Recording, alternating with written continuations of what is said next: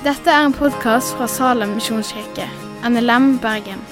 For mer informasjon om Salem, gå inn på salem.no.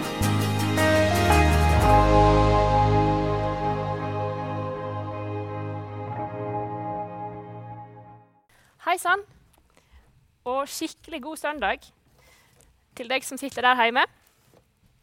Eh, I dag skal vi snakke om en av mine, favoritt, en av mine mange favorittema, nemlig penger. Eh, og det som er litt artig, det er at det virker som at det òg er en av Jesus eh, kanskje ikke favorittema, men han er iallfall veldig opptatt av det. Eh, og jeg har kalt talen for 'Pengene eller livet'. Det høres ut som at det er et ran på gang. Men sånn som jeg opplever Bibelen, så er det faktisk sånn Bibelen snakker om pengene. Det handler om pengene eller livet. Um, ja.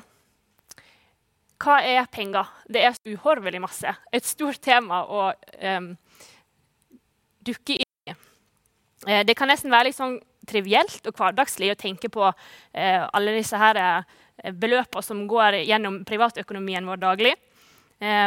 Samtidig så er det kanskje knytta mange store og vanskelige valg og prioriteringer til penger. Penger kan gi glede. Eh, det kan gi det mest nødvendige for folk som har ingenting. Eller det kan gjøre veldig mye vondt gjennom grådighet eller splittelse og krig. Um, det kan òg være et sårt tema sånn personlig. For penger det, handler, det gir oss kanskje status eller muligheter som en føler en ikke har, om en er blitt permittert eller arbeidsledig. Kanskje jeg sitter i, i djup gjeld, eh, eller har, er aleneforsørger, eller andre ting som gjør at penger er et sårt og vanskelig tema. Når jeg snakker om penger nå, så mener jeg ikke eh, bare papir, papirer som vi ser på, eller eh, tallene som forandrer seg i nettbanken vår.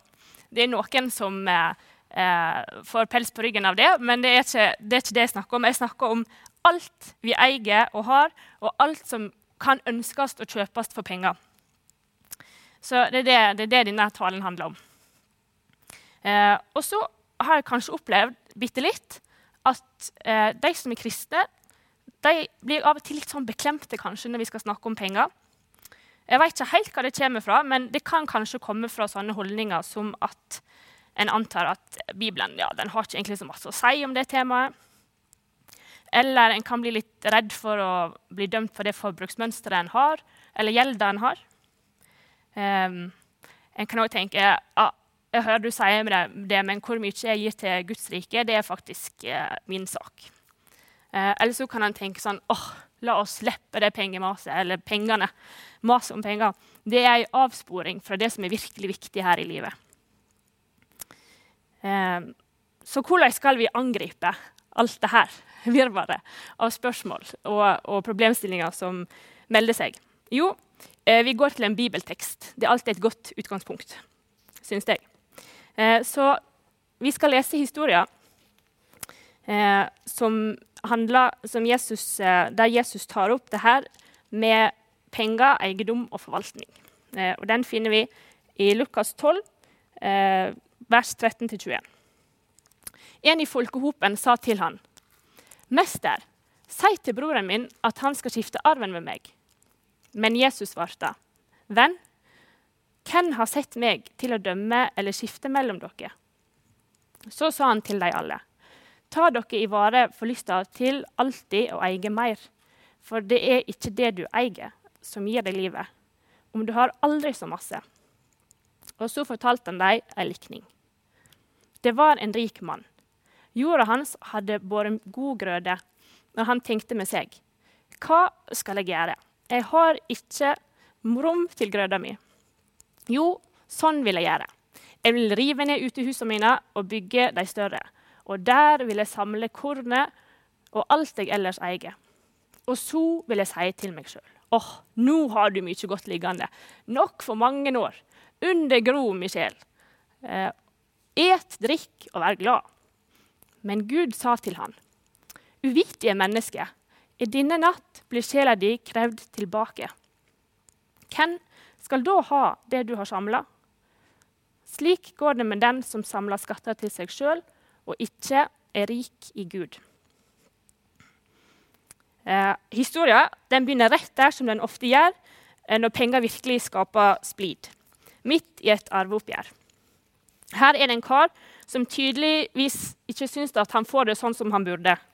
Og han kommer til Jesus og, og sier åh, du Jesus som har peiling på så mye, si til broren min at han har feil, og jeg må få det jeg har rett på.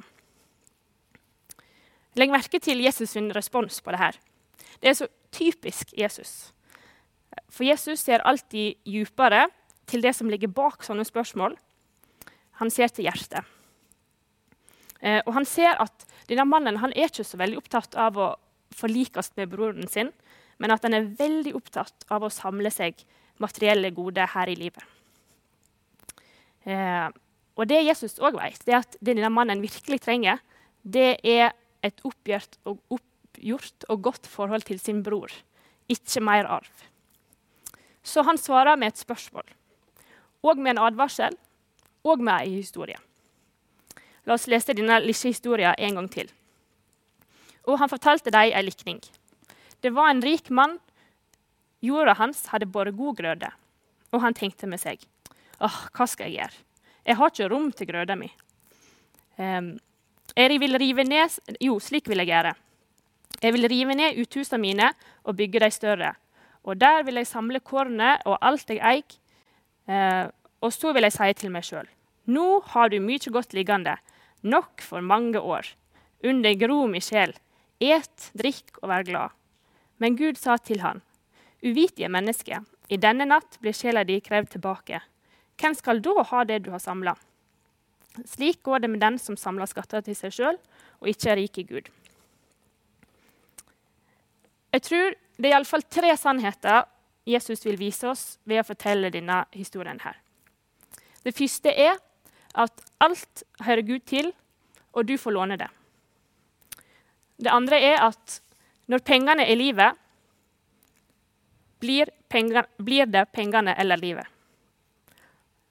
Altså når pengene er livet, blir det pengene eller livet.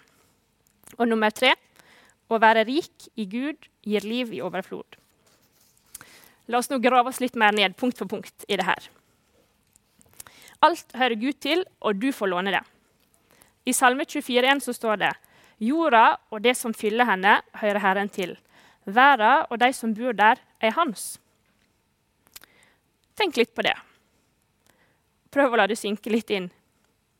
Jorda og det som fyller henne, verden og de som bor der. Det dekker egentlig det meste. Alt hører Gud til. Kanskje er det nytt for deg, eller har du egentlig alltid visst det? Bilen din, huset ditt, kaffen som du sannsynligvis nå sitter og super på, klær du går i, pengene på bankkontoen din Alt tilhører Gud. La du merke til én ting i fortellinga om den rike bonden? Det var så utrolig masse sånn jeg, meg og mitt. Hele tanken hans var gjennomsyra av han sjøl. Jorda hans hadde båret god grøde. Han tenkte med seg sjøl. 'Å, hva skal jeg gjøre? Jeg har ikke rom til grøda mi. Jeg vil samle alt det jeg eier. Jeg vil være glad. Jeg vil leve i sus og dus. OK, så veit vi gjerne det, at alt hører Gud til. Men tror vi det? Lever vi etter det? Eh, om du skulle være så heldig om du fikk en bonus på jobb, lønnspålegg, penger tilbake på skatten, gjorde et ekstra, ekstra godt salg av boligen din, du fikk god avkastning på aksjefonder, hva tenker du? Oh, jobben min har gitt meg ekstra. Jeg har vært en god selger. Jeg har fortjent dette. Jeg vil unne meg litt ekstra. Åh, det er mine surt tjente penger. Det som er enda mer trist i den rike bonden sitt liv, det er at han glemte å ta høyde for en enda viktigere ting. Nemlig at også selve livet hans tilhørte Gud. Det var på lån fra Gud, ei gave han hadde fått, det òg. På samme måte som at han feilaktig trodde at rikdommen hans eh, at han kunne sikre den ved å lagre den i store uthus. og sånn, Så ble han òg forleda til å tro at rikdommen kunne gi han kontroll på livet sitt og sikre livet hans. Idet han lente seg tilbake og tenkte åh, nå skal jeg leve livet mitt i sus og i dus, så kommer Gud og sier suseladd, eller uvetige mennesker, som det egentlig står da.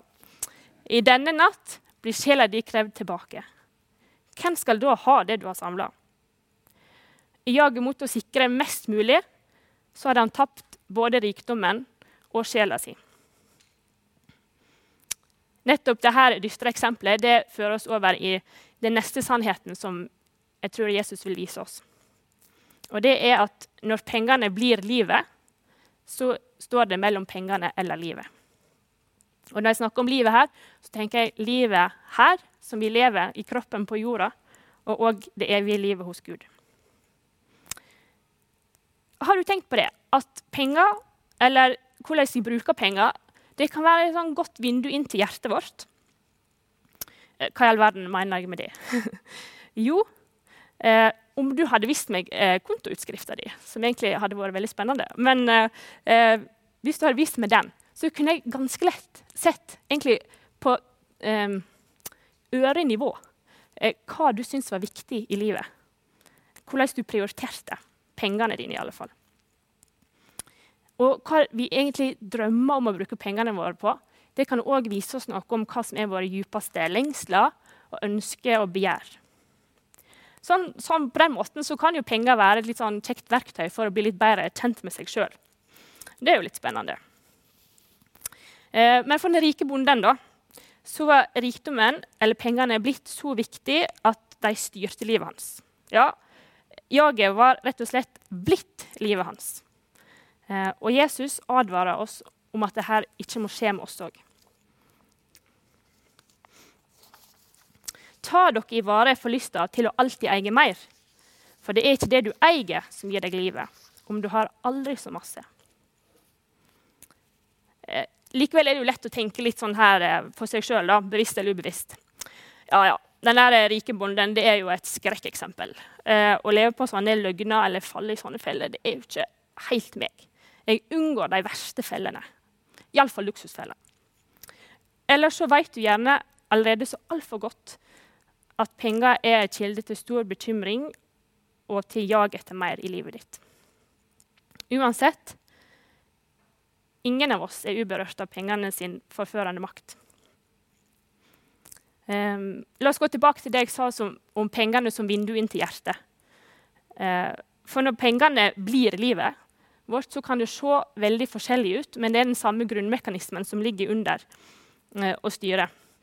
Nemlig at pengene eller rikdommen eller alt vi kan kjøpe for penger, det har blitt en falsk gud eller en avgud. En falsk gud, Gud han krever det samme av oss som Gud, vår far, ber oss om. Eh, å elske Han, å stole på Han og tjene og lyde Han. Eh, men en avgud istedenfor at den gir oss glede, fred, trygghet, kjærlighet, mening og anerkjennelse og liv, sånn som Gud gjør, så gir den falske guden ødelagte relasjoner, nedbrutte liv, ødeleggelse og død. Så hvordan ser det egentlig ut i livet vårt når penger blir en falsk gud? Jo, vi elsker, stoler på dem og blir tjener av dem. Um, de som elsker penger, de dagdrømmer om hvordan en skal tjene mer. Kjøper stadig nye ting og er misunnelige på de som har mer. De lar, lar pengene være deres ultimate lyst og glede. Det som gjør at en kjenner seg viktig og verdifull og vakker. Og deres kjæreste drømmer kan kun oppfylles ved hjelp av mer penger. Eller nok penger. De som stoler på penger, føler at de har kontroll på livet og er trygge pga. rikdommen sin, Oppstart, oppsparte midler og forsikringene sine.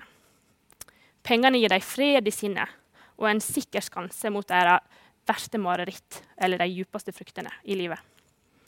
Og de som har blitt en tjener for pengene, de må ha dem og det de gir, for å kjenne at livet gir mening.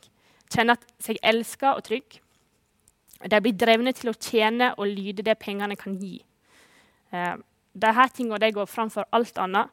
Og om de skulle bli trua, så viser det seg i sånne eh, følelser som sinne og engstelse og fortvilelse. Om du er en kristen, har du tatt imot evangeliet. Dvs. Si de gode nyhetene om at Jesus levde, døde og sto opp igjen for å gi deg sitt liv og sone for dine synder. Om noen spurte deg er det noe du elsker så høyt at du kunne bytte ut det evangeliet, eller gi opp det, eh, for å få oppfylt ønsket ditt. Jeg tror sånn Umiddelbart så er det vanskelig å komme på noe. Men det er dypere sett det som skjer om vi bytter ut Jesus, som er veien, sannheten og livet, med en avgud som penger. Så hvordan kan vi velge livet, da? Det er jo det vi vil. Da kommer vi til punkt tre. Å være rik i Gud gir liv i overflod. Ron Blue, en amerikansk kar som har skrevet over 20 bøker om økonomisk planlegging etter Bibelen sine prinsipp, og har over 50 års erfaring med ja, jobber i finans. Eh, han sier det her.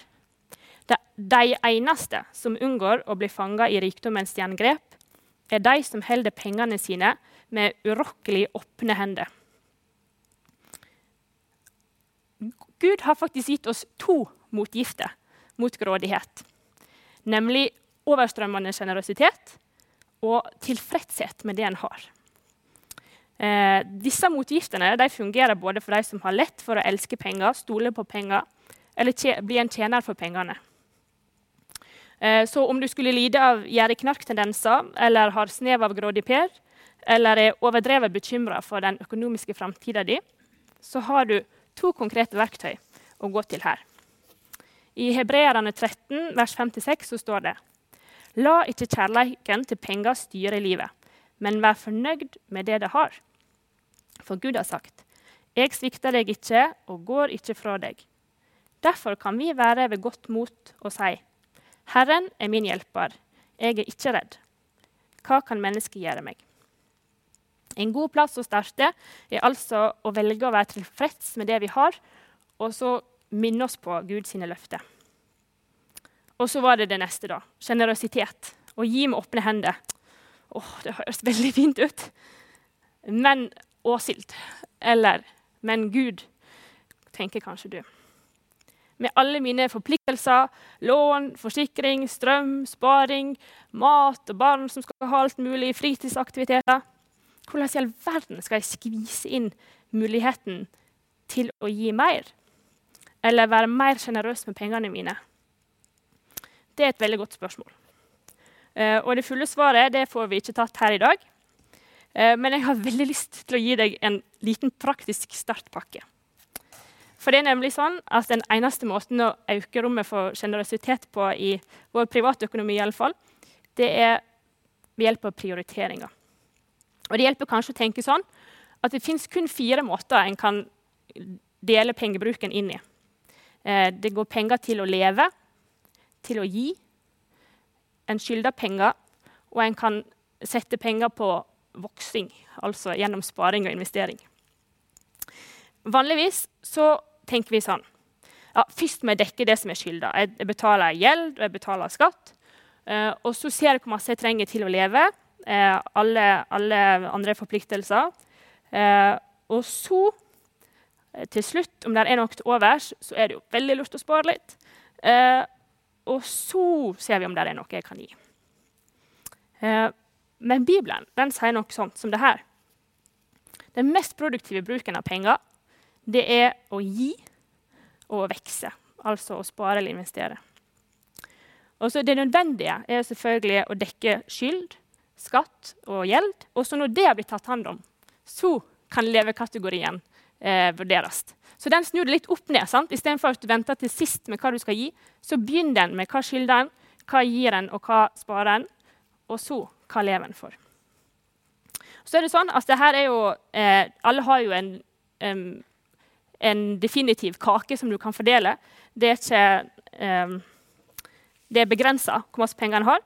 Så om du bruker mer på ett kakestykke, så blir det mindre på de andre. Uh, og så kan det være veldig greit å begynne den hele hele den seansen der med å spørre Gud hva vil du jeg skal gjøre med pengene og økonomien min.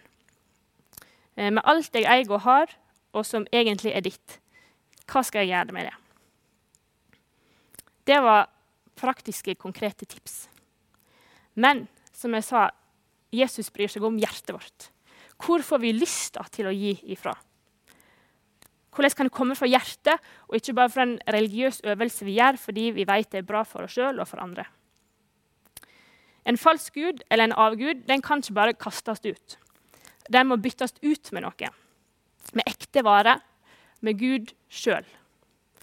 Eh, det vi virkelig trenger for å få lyst til å gi, det er et møte med Jesus. En som fikk et sånt møte med Jesus, det var Sakkeus. Eh, det er nesten den motsatte historien av den rike bonden. Jeg vil anbefale å google det etterpå. Meget oppløftende historie. Hvem var det Sakkeus fikk møte?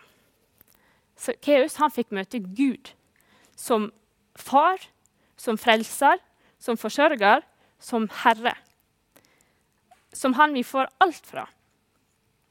Han måtte ikke ofre anerkjennelse, kjærlighet eller glede, fred, trygghet, status, identitet, men han fikk det i den aller beste forma og den eneste gode og varige forma i Jesus. Har du noen gang tenkt på at dette verset her kan òg handle om penger? For så elsker Gud verden, at han ga sønnen sin, den enbårne, så hver den som tror på han, ikke skal gå fortapt, men ha evig liv. Sakkeus fikk treffe han som ga seg sjøl helt for han. Og Hjemme hos Sakkeus kunne Jesus si i dag har frelse kommet til dette huset. Jesus fikk være frelser i Sakkeus sitt liv, ikke pengene. Pengene fikk være bare penger. Når han hadde sin trygghet rotfesta i Jesus, så hadde han plutselig masse til overs. Som en respons på den overveldende sjenerøse nåden han, måtte, han møtte, spør ikke Sakkeus hvor mye må jeg gi. Men han spør hvor mye kan jeg få gi? Det siste og mest fantastiske jeg vet med penger, eh, vil jeg dele med deg nå. Eh, har du noen gang spurt deg sjøl hvorfor Gud har velsigna deg så mye? Og hva i all verden skal du gjøre med alt det der? Eh, når Gud får være vår rikdom, så kan penger få lov å bli en helt konkret demonstrasjon på evangeliet. Vi gir til misjon fordi at evangeliet sier at da Jesus døde på korset, døde han for folk fra alle stammer og tungemål. Vi gir Gud det mest dyrebare vi har, fordi han ga sin enbårne sønn.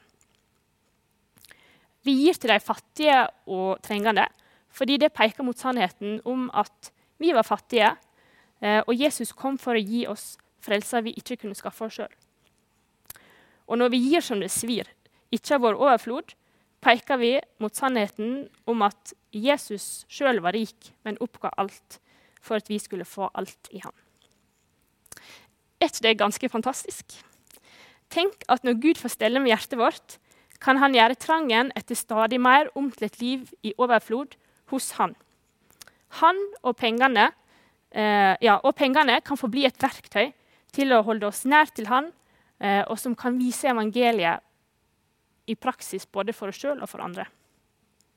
Da syns jeg det plutselig gir veldig mening, det som står i Romerne 8.32.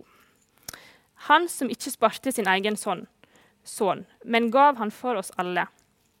Kan han annet enn å gi oss alt med han? Ser du det nå? Da skal vi få lov å bekjenne trua vår, trua på Han som har gitt oss alt. Jeg tror på Gud Fader, den allmektige, himmelens og jordens skaper. Jeg tror på Jesus Kristus, Guds enbårne sønn, vår Herre, som ble unnfanget ved Den hellige ånd, født av jomfru Maria, pint under Pontius Pilatus, korsfesta, død og begrava, for ned til dødsriket, sto opp fra de døde tredje dag, for opp til himmelen, sitter ved Guds, den allmektige Faders, høyre hand, skal derfra komme igjen for å dømme levende og døde. Jeg tror på Den hellige ånd, en hellig allmennkirke, de hellige samfunn, syndenes forlatelse, legemets oppstandelse og det evige liv. Amen. Takk for at du har hørt på podkasten fra Salem, Bergen. I Salem vil vi vinne, bevare, utruste og sende. Til Guds ære. Vi ønsker å se mennesker finne fellesskap, møte Jesus og bli disippelgjort her i Bergen og i resten av verden. Vil du vite mer om oss, gå inn på salem.no.